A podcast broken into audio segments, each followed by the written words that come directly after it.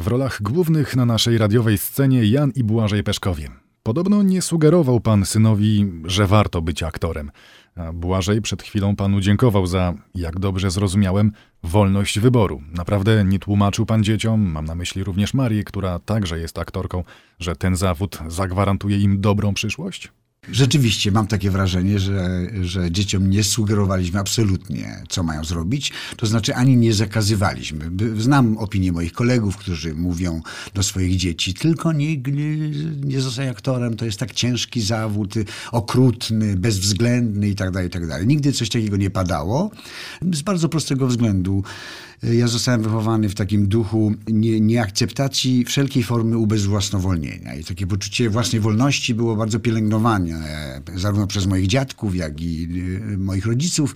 Stąd y, absolutnie naturalną sytuacją była ta, w której trzeba było po prostu uszanować wybór dziecka. Tak, Nawet ale- jeśli ten wybór miałby być niedojrzały. Tak, jeszcze. tak, tylko że się nie do końca nie zrozumieliśmy, ponieważ moje podziękowania y, za to, że nie ingerowałeś w moje życie, nie pozbawione były jak przekąsu, ponieważ y, siłą rzeczy to się stało. To No znaczy, tak, na ten plecaczek ci no, narzuciłem. no tak, tak, tak, tak. Można zatem powiedzieć, że parafrazując y, tytuł znanego filmu, że aktorstwo to jest y, śmiertelna choroba przenoszona na rodzinę. No wręcz drogą płciową, prawda? Wręcz dosłownie. Coś w tym jest, coś w tym jest, że to się gdzieś z krwią pojawiał w, w człowieku. No ale jednak e, w moim przypadku, jako syn dentysty, dobrze prosperującego i chowanego na to, żeby przejąć po ojcu gabinet, y, świetną klientelę w małym miasteczku Andrychowie i, i wygodne życie, takie bez, myślę stresowe. Nawet już klepałem mostki, pierwsze takie techniczne rzeczy wykonywałem, bo ojciec marzył o tym, że jako pierworodny, pierwszy z szóstki mojego rodzeństwa przejmę ten gabinet. No jednak e, ojciec mnie nie, nie zdołał zarazić. Widocznie podświadomie ta perspektywa y, bycia w innym świecie mm, we mnie się zagnieździła jako, jako taka elementarna potrzeba. Ja- Z ja- buntu. Może z buntu też. A powiedz mi, odpowiedz mi, bo takiego pytania jakoś rzeczywiście nigdy ci nie zadałem. A kim marzyłeś, żebym został w przyszłości?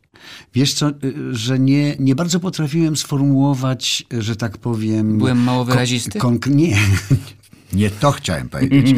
Tylko y, raczej miałem w pamięci, w pamięci taki obraz twojej młodości jako oczywiście człowieka y, aktywnego, ale nie ekstrawertycznego. I taką, moim zdaniem, byłeś osobowością, która że tak powiem, w pełni rozkwita wtedy, kiedy czuje się nie to, że bezpiecznie, ale kiedy na przykład rozkwita w towarzystwie, które akceptuje, że bywają takie typy bez względu na, na sytuacje, które prą ze swoim i tak dalej, i tak dalej. No ty, jak doskonale wiesz, jesteś człowiekiem, który zupełnie nie ma umiejętności kłamstwa. No totalnie umiejętności kłamstwa i... To znaczy, może nie umiejętności, tylko jakby gardzę kłamstwem. y, No tak, ale też pamię- nie wyprzesz Jako aktor tego. chyba umiem kłamać.